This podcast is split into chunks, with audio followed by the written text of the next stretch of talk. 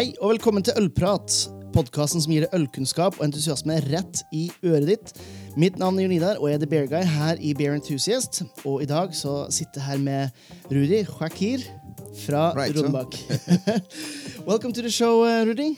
Thanks for having me. Yeah, and uh, sorry for butchering your last name. It's a little bit. Not uh, a problem. yeah. I understand it in, in any language. Okay. Uh, and today we are going to talk about uh, sour beers. Okay. Uh, and uh, you have some experience, I would say, with uh, with sours. Uh, I guess. Yes. Yeah, a little bit. Um, maybe you can start us off with talking about um, the origin of, of sour beers. H- how did it start? well, um, I think it's better to start uh, explaining um, that in origin there were on four different places in the world they made beers. eh? The most important one that we know was uh, in the in the Middle East, uh, Tigris Euphrates. Then they started making beer 10,000 years ago. It moved to Egypt, from Egypt to Greece, Rome, and then the whole Europe, Western Europe. eh? That was the most original place that we know. But you have to know that they also made beers in uh, in America. The Incas made also a beer. They we call it chicha till today. You can find it in Peru. It Was the second place where uh, on, uh, in the world where they made beers, but also the third place was by the Aztecs in uh, in Mexico. They made also a tequila beer. Mm. And the fourth place where they made beer in origin is in Southern Africa. They made the sorghum beer. So all those beers were sour beers in origin. Uh, yeah. And people always had, had used herbs and spices to mask off flavors and to make it sweeter or to make it softer. Um, in Western Europe, uh, licorice was a very important herb to make sour beers more sweet, so to bring them in balance. And to bring the sensation of sweetness in the Yeah, in the but uh, unfermented sweetness. Mm. That was the reason why they are using licorice. Uh, uh, in in in, um, in Southern America, they are using um, other herbs uh, um, to, to to make it more sweet. eh? But maybe uh, another thing that we have to know is that uh, why we are why they why we are drinking beer and where does it come from?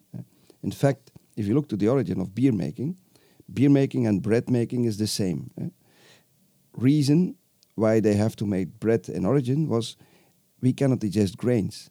We are no cows. We don't have four stomachs, so they have to mill the grains and to make uh, and they made a kind of um, wheat flour or um, grain flour, and they made a kind of pastry with it. But then, if you look to the difference between beer and bread, because there is only one element who is different, and that is if your grains are germinated, you cannot make a bread with it. Mm, So they arrived making beer by making bread. But when the grains were germinated, they became a liquid bread. So beer was born because the bread was liquefied by the enzymes who started growing into the grain when he started his germination Hmm. phase. So this is really the origin of beer making. Beer making, in fact, is bread making. Yeah. Yeah, because I, I remember um, uh, reading the, the story of uh, Ochicha the, um, um, from from America, and uh, they used the saliva to introduce some of the enzymes, from my understanding. Yeah, that's right. But normally they use uh, germinated corn, Mm. and to activate the the um, uh, the liquefying of the starch into sugar, they use the enzymes from their saliva. But they are they are making a, a similar product with the hearts of yucca of the yucca plant. Oh, okay. Yeah. Oh, I didn't know that. They are chewing it and they spit it out. They, they speak, spit it out, and afterwards they become a kind of beer with that. So uh, this is really, really interesting to see that. But maybe we have to talk to say also why is barley becoming one of the most important grains for the brewers and not wheat? Mm. Because barley in origin, uh, barley is a more wild grain comparing wheat. eh. Barley is a grain who is covered with a husk, and a brewer needs a husk for the filtration. Mm. At the other hand, it's very hard to make a barley bread because the husks we cannot digest that. It's celluloses. Yeah. So you have to peel your barley before you can make a barley bread with it. And that's the reason why barley is becoming the grain of the brewer. Right? Second reason is also because it is a wild grain, it grows on every type of soil, also the poorest soils, Mm. but also the salty soils. The salty soils, so wheat will not grow on salty soils, No, that's true. but barley will grow there. So barley is is is a, is a natural evolu- evolution eh, um, uh, of the combination of the type of grain and the um, the, the, the, the, the use of the her, uh, of the husks for the filtration. Mhm. Uh, so, um, in origin, all the beers must have been sour, and every brewer knows that it is really nearly impossible to make an unsour beer if you cannot work hygienic. No. You become very quick an infection of lactic lactic bacteria, and so in origin, all the beers must have been sour. Therefore, people used herbs and spices to mask all flavors. And we are drinking more than 10,000 years beer, but only hops were coming into the brewing industry since the years 1000, eh? Stefan and so on. And, um, and that was a way to make the beer less sour because hops will protect the beer against spoilage, Mm. against lactic bacteria. First, second, also the temperature will um, will help the brewer if the temperature at night and during fermentation is lower than 15 degrees, then the, the developing of lactic bacteria will be, will be very low. eh? Because under 12 degrees, your lactic bacteria will not grow. And you know, the optimum temperature of lactic bacteria is skin temperature. Yep. It's a temperature on which the milk is coming out of the cow. So this is 37 degrees. If you can you do your fermentation lower and with the help of hops, then you have the possibility to make a less sour beer. Because what we have to know also, and who is also important, eh, we are born with the acceptation of three tastes. eh? Every everyone, every human being who is born uh, has the acceptation of saltiness, sweetness, and sourness. And our acceptation of sourness is very high when we are young. It goes down when we grow up. Mm. As a child, you can eat lim, you can drink liters of orange juice. When you grow up, you don't do that any longer. It goes down. But at the other hand, when we are born, we cannot accept bitterness. Because bitterness in nature normally is poisoned. Yep. That's the reason why children cannot accept bitterness until they became adults. Because in that period, uh, you have to learn from your mother which bitter herbs are not bad for health. Yeah. And once you became adult, you can accept bitterness. And boys and men, even more than women. And a woman is, can taste much more better than we do. Uh, and once they became pregnant, their taste palette will change into less bitterness and more sweetness. Mm. Less bitterness is normal because they have to protect the baby, Yeah. but at the but also more sweetness is normal because they need energy in that period. Well, I got two kids, and I can tell me my wife had that same experience. So Yeah, she needs energy. Yeah. Where you can find energy in origin, in nature, matured fruit, sweet fruit, honey. where there's sugar. But there is also a third reason you have to know about acceptation of bitterness. It depends of the origin of people. The more you go to the north in Europe, the more people can accept bitterness. The more you go to the south, the less they accept bitterness. Mm. Explanation about that is that in colder area there was less food, and people accepted any type of food, also the more bitter food. Yep. But at the other hand, the risk of spoiled food was also lower because it was a colder climate. Yep. And so they are less sensitive to bitterness. If you look to the brewing industry development in America, where started the first IPA movement? Northern California, Oregon State, Washington State, and Oregon. Yeah. If you look to the origin of people who lived there, that was the last migration wave. People who were coming from the northern part of Europe. That's true. If you compare that with Tennessee and the southern part of America, there they don't like the very high and, and very bitter IPAs.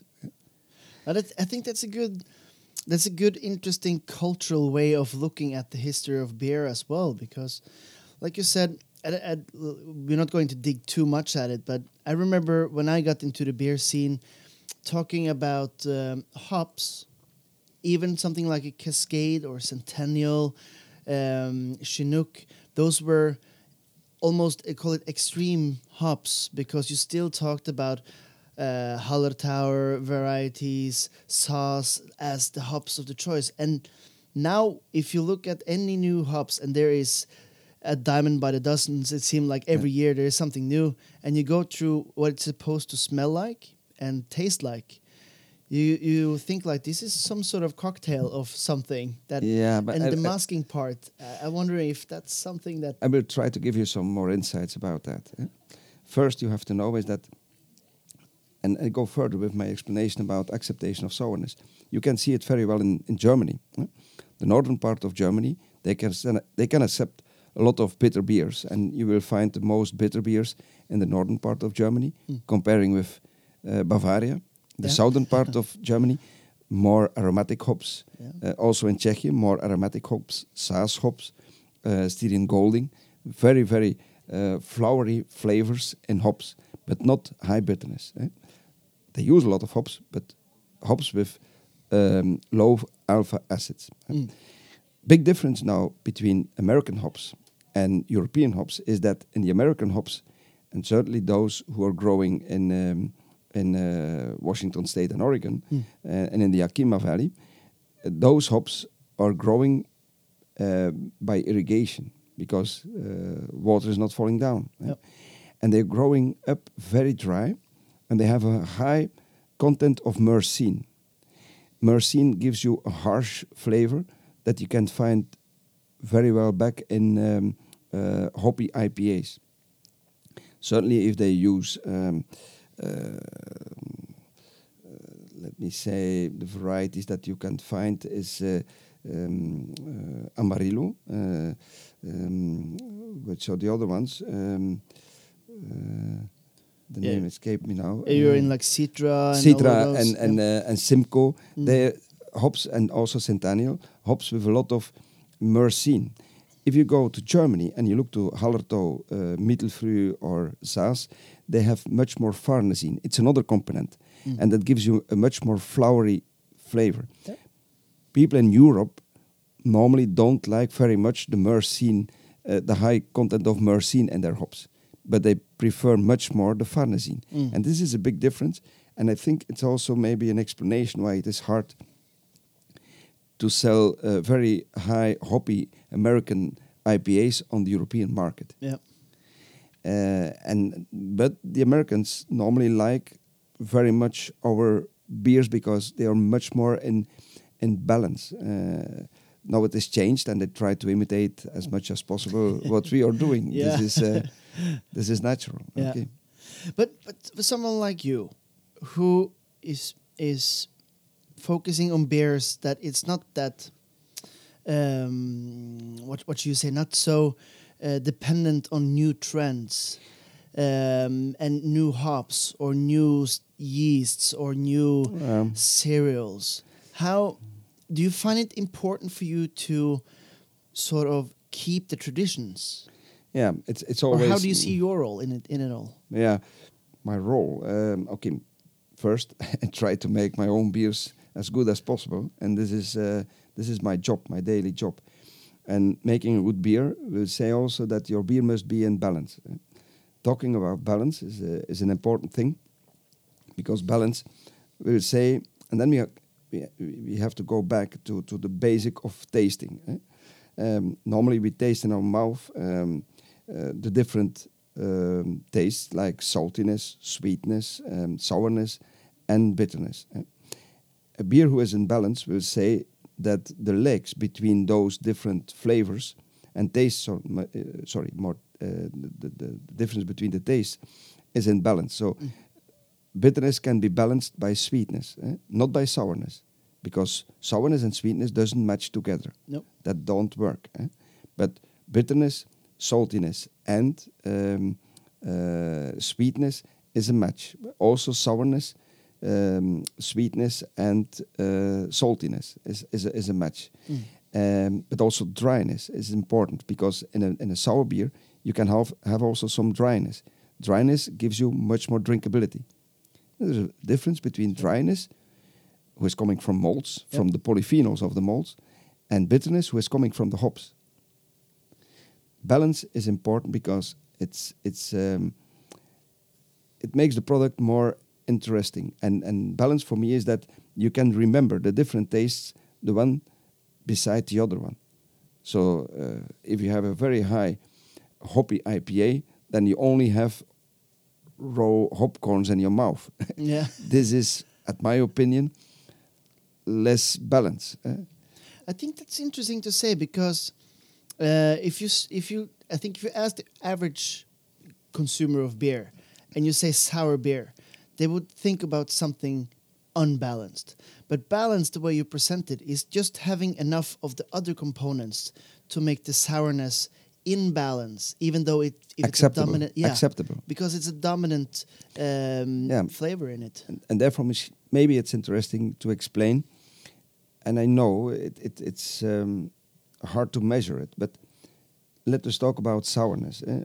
we are drinking still water ph of that water is around 7 eh?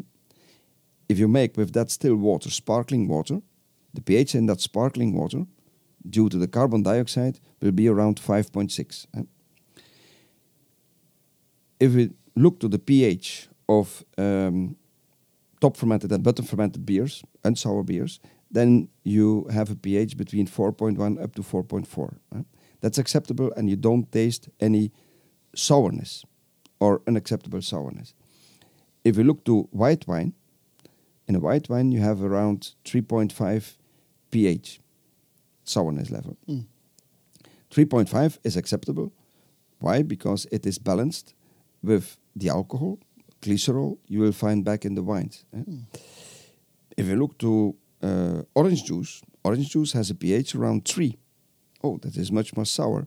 But you, you will find back around 100 grams of fruit sugars Yeah. in the To orange balance. juice that will balance the um, the, the the the sourness. eh? If you look to lemon juice, lemon juice is around 2.8, but less sour, uh, less sweetness. So this is hard to drink. Mm. The the lemon juice. eh? But as child, you like it. Yeah. As adult, you don't like it any longer. If you look to Coca-Cola, sorry, I have to say that Yeah. brand, uh, not or Coke in total. eh? That's a, a pH around 2.2, Mm. but with around 100 grams of sugar to compensate the sourness. So you don't taste the sourness directly in uh, Coke because it's coming from phosphoric acid Yeah. uh, and it is compensated by a lot of sweetness. And it goes back to the pH of your stomach because this is the basic pH that we can accept because lower it will burn down your stomach, but it, that's around 1.8. I think that's. Uh, I think if you don't, because someone who is working with a big range of beer as we do, we don't think about about it in that way. But you can balance something extremely sour with a lot of sugar, and in the in the Coke example, I would say that's an extreme balance. It's balanced, but it's extreme. Yeah. In that regards. Um, a sour beer would not be an extreme balance. It would just be Right. a balance. Yeah, okay, but um, Coke, at my opinion, is not directly a well balanced product. Okay, Mm. but it is very sweet, and it is it, it, it uh, it's necessary to be sweet. Otherwise, you cannot accept that sourness. Mm. But in, in fact, Coke is developed as a medicine for for helping people who have diarrhea, who who are dehydrated. eh? If we come back to uh, sour beers, sour beers, we talk about sour beers, but it's the same pH level as you have in a white wine. You don't talk about sour wines. No, Uh, you talk about acidic uh, acidic wine. yeah, yeah. and and also in in the wine industry, you will see also differentiation depending of the the variety of grapes. eh. Uh, if you look to Chardonnay, Chardonnay grapes uh, and normally Chardonnay wines uh, um, are wines who having their malolactic fermentation. During the malolactic fermentation, they will break down the malic acid into lactic acid, and the beer will be more acceptable, certainly for older people Mm. eh, because older people normally prefer um, uh, Chardonnay wines, comparing young people who love much more Sauvignon Blanc wines. Why Sauvignon Blanc wines? Because that type of wine normally has no malolactic fermentation. Mm.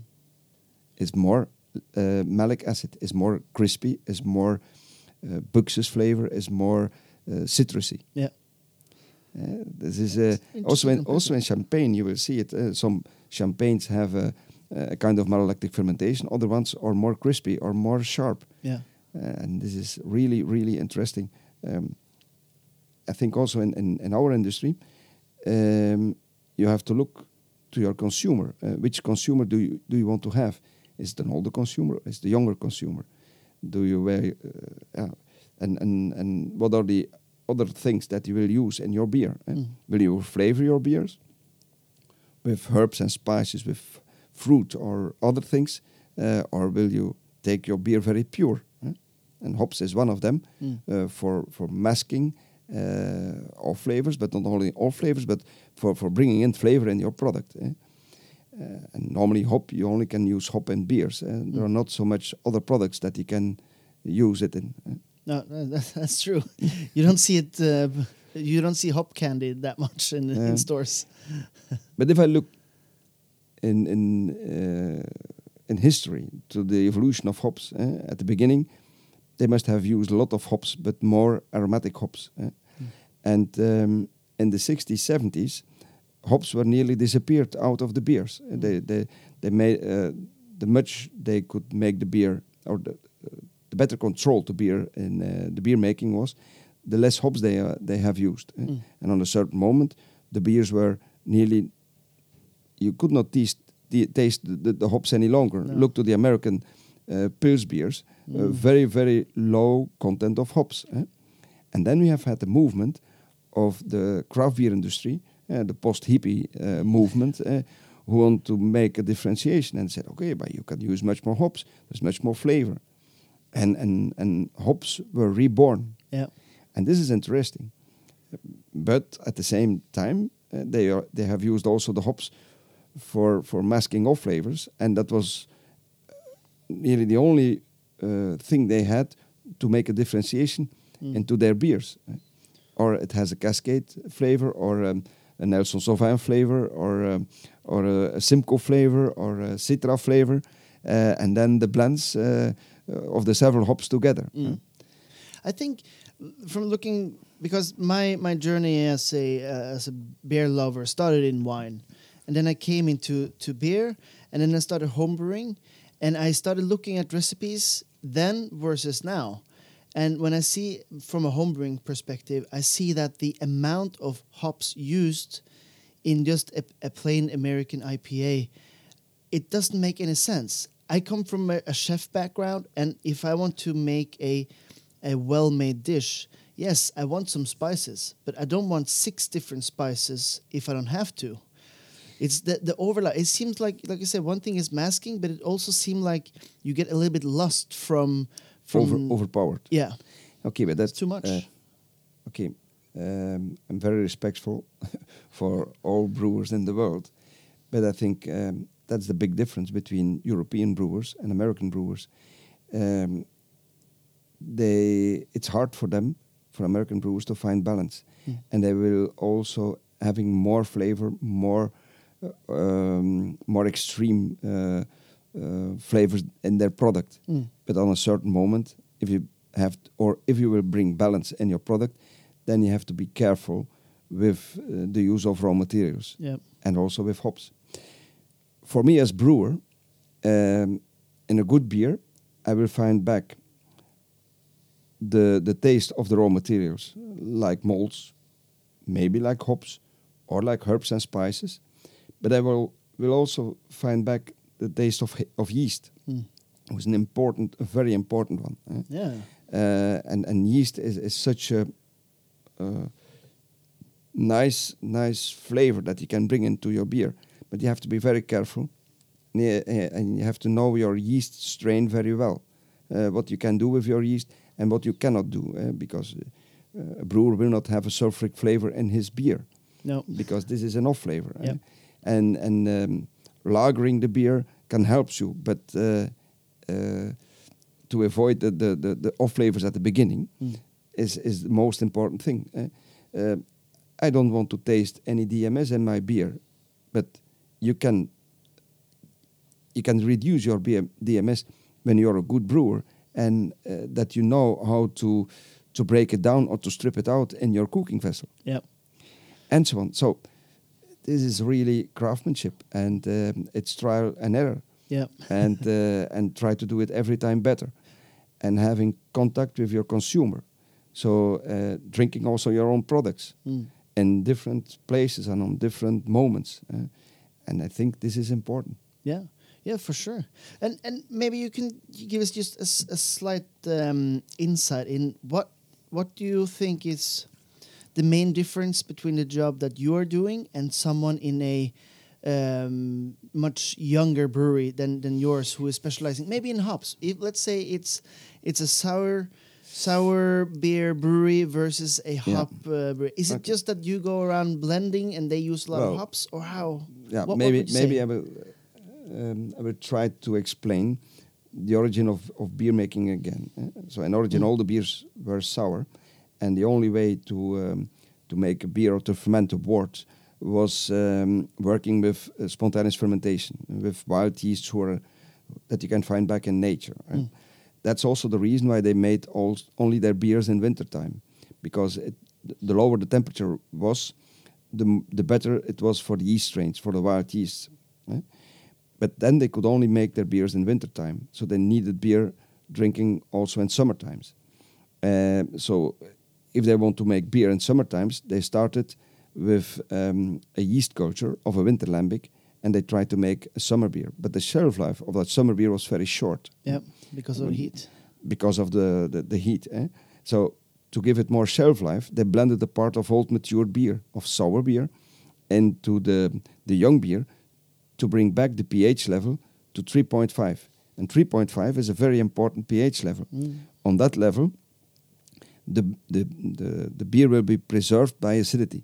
And that's an old, even an older method to preserve beer than using hops. Mm. Uh, and also, you have to know that um, beer on 3.5 is on is an acceptable sourness level, not only for uh, adults but also for children. Children like much more uh, acid beers comparing with older persons. Mm. Uh, so 3.5 was the ideal match, eh. and so spontaneous, uh, so mixed fermentation was started or was born uh, from uh, spontaneous fermentation. Mm. Spontaneous fermentation, in those beers, you will find a lot of Brettanomyces flavors. Brettanomyces flavors, some people love it, but for other ones, it's hard to drink because it's an off flavor. Yeah. eh. The horse blanket is normally not directly accepted as a, uh, a very nice flavor, but depending also of the Brettanomyces strains you have. Uh, in some in some falls, it gav- can give you more a peach flavor, but in other ones, uh, it can be really uh, a horse blanket Yeah. uh, or even um, uh, a goat flavor uh, Yeah. that you don't want to have.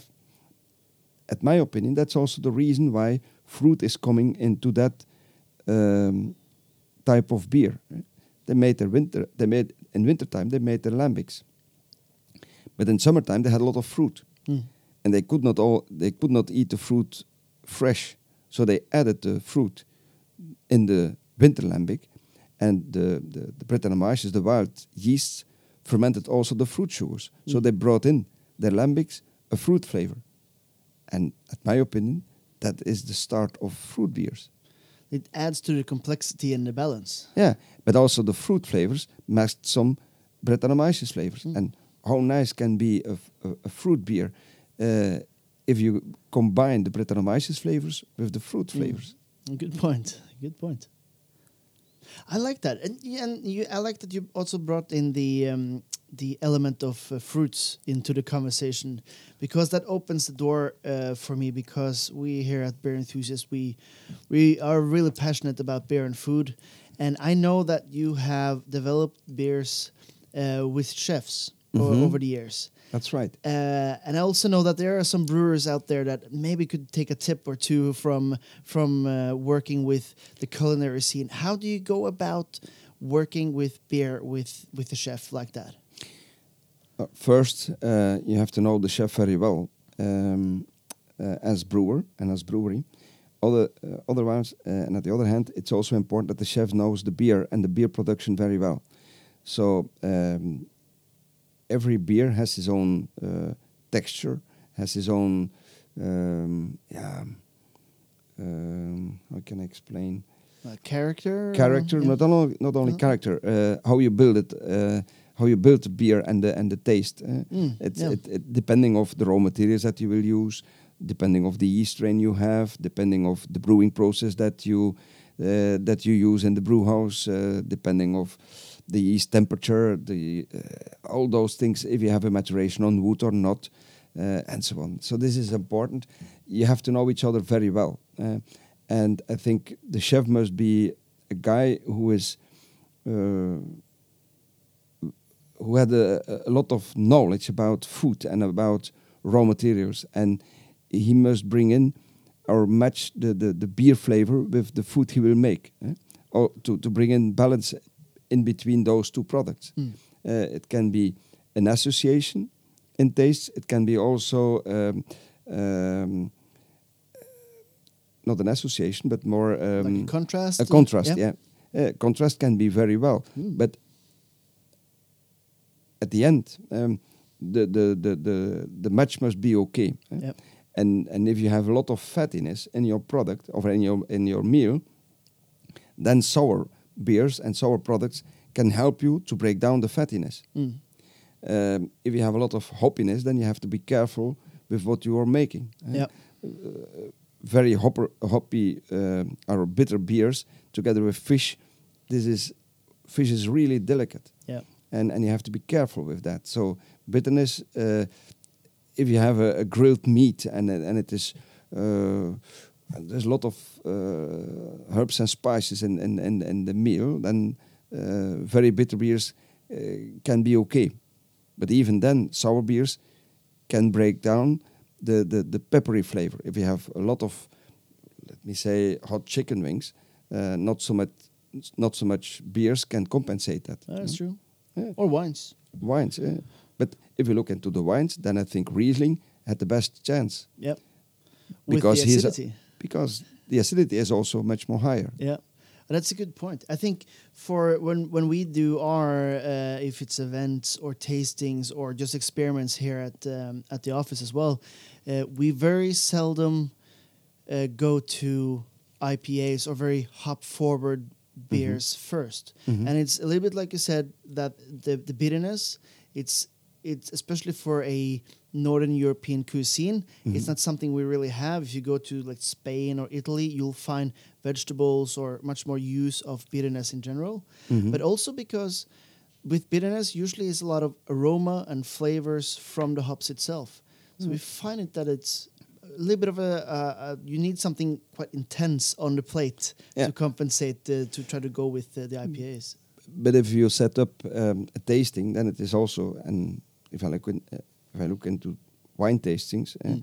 uh, normally you can start up with a Chenin Blanc, uh, then you can drink a Chardonnay, then you can go into um, um, Pinot Grigio, and, and then Sauvignon Blanc, but you can end with a Riesling wine. Yep. If you start with Riesling wine, this is disruptive, uh, then you can um, uh, bring your tasters in unbalanced so that Mm. they don't know what to taste. It's the same with bitterness. If you start with a very high bitter beer, then they will damage all the other flavors. Yeah. So, and also in your in your um, in your dish and, and in your meals, it's important to build up the flavor Mm. uh, and and to be not too aggressive with taste and flavor at the beginning. Uh, this is Yeah. uh, my advice. Yeah, it, it it totally makes sense uh, in terms of the beer as well, and I think that's maybe something that more people should think about if they not only if they're going to have have food, but if they're going to enjoy a, f- a few beers at home, try to build up in flavors, intensity, uh, and and and also and also in alcohol level. eh? Yeah, Because if you point. start with a with a quadruple uh, as aperitif, you will damage your whole meal Yeah. because you will be drunk before you can taste the food. yeah, a good So point. it's important to start with, um, let me say, um, um, yeah, a beer of 3.5 uh, ABV, Yep. uh, something that is very drinkable, because you are thirsty, you are hungry. Uh, it's important to to um, to build up your alcohol level in your body. Otherwise, you will be drunk before you can enjoy your meal. Yeah. Yeah, that's that's a very good point. All right, we're going to start to wrap things up a, a little bit Mm, here. yeah. But before I let you go, I ask this of every guest we have on here: uh, if you could give us a, for you at this very moment, a what would be a perfect beer and food matching. Yeah, uh, that's a. That I, I know it very well for my own beers, but um, in fact, uh, if I look to um, fish, goes very well together with uh, wheat beers, uh, Mm. Weizen beers, wheat beers, uh, not very high bitter beers, uh, or um, sour beers who are very drinkable, uh, Mm. not uh, highly sour beers. uh. Um, shrimps and seafood goes very well together with with um, uh, sour beers uh, Mm. on pH level around 3.5. Um, if we go to the to the first dish, uh, um, depending of if you use cream or not, uh, depending of which type of wine you should use or you would use for that, then you can uh, go uh, or you can use a pale ale uh, if it is not too bitter. Mm. If you go to your meat at the, for the main dish, depending of the level on which it is, um, the, the the the chef had used herbs and spices, uh, uh, then you can bring in beers with more flavor, with more aggressivity. Uh, but there must be always a balance between Yeah. the beer and the and and the, and the dish. And if you go to the dessert, depending of uh, if you offer uh, cheese, uh, um, and cheese is a very uh, hard one because depending also a big of the variety. it's a big variety, and also depending of the level of um, of fattiness in the in Mm. the cheese. But normally, um, a highly sour beer goes very well together with um, with fatty cheese, and and and I think the cheeses with the most flavor are normally always very fatty. Yeah. So so right now at this moment uh, you were up at six o'clock this morning. You have traveled uh, here to see us. It's been a long time since you've had anything. If you could choose one dish and, and one style of beer uh, right now, what would it uh, would that be? My preferred one, personally, sorry, Yeah. I only speak for myself. Yeah, that's That's um, uh, the beer I'm making at the Rodenbach Brewery, the classic Rodenbach with uh, North Sea shrimps. Mm. Yeah. This is for me the ideal match. there. You have it. Some uh, some some classic combination right there. Yeah, not too not too strong, but uh, well balanced. Yeah. This is for me so important. Very nice, Rudi. Thank you very much for taking the time. It was a pleasure to be here. Yeah, very, very good knowledge from you. Uh, og til alle dere som hører på, vi vil takke for at dere, dere gjorde det. Jeg vet at alle dere millioner av lyttere der ute og har fulgt med. Så det holdt gjennom hele denne lille halvtimen. Eh, setter pris på om du gir en liten tommel opp. eh, kanskje gi oss en liten review. Eh, og så får du huske at neste gang så fortjener gode folk godt øl.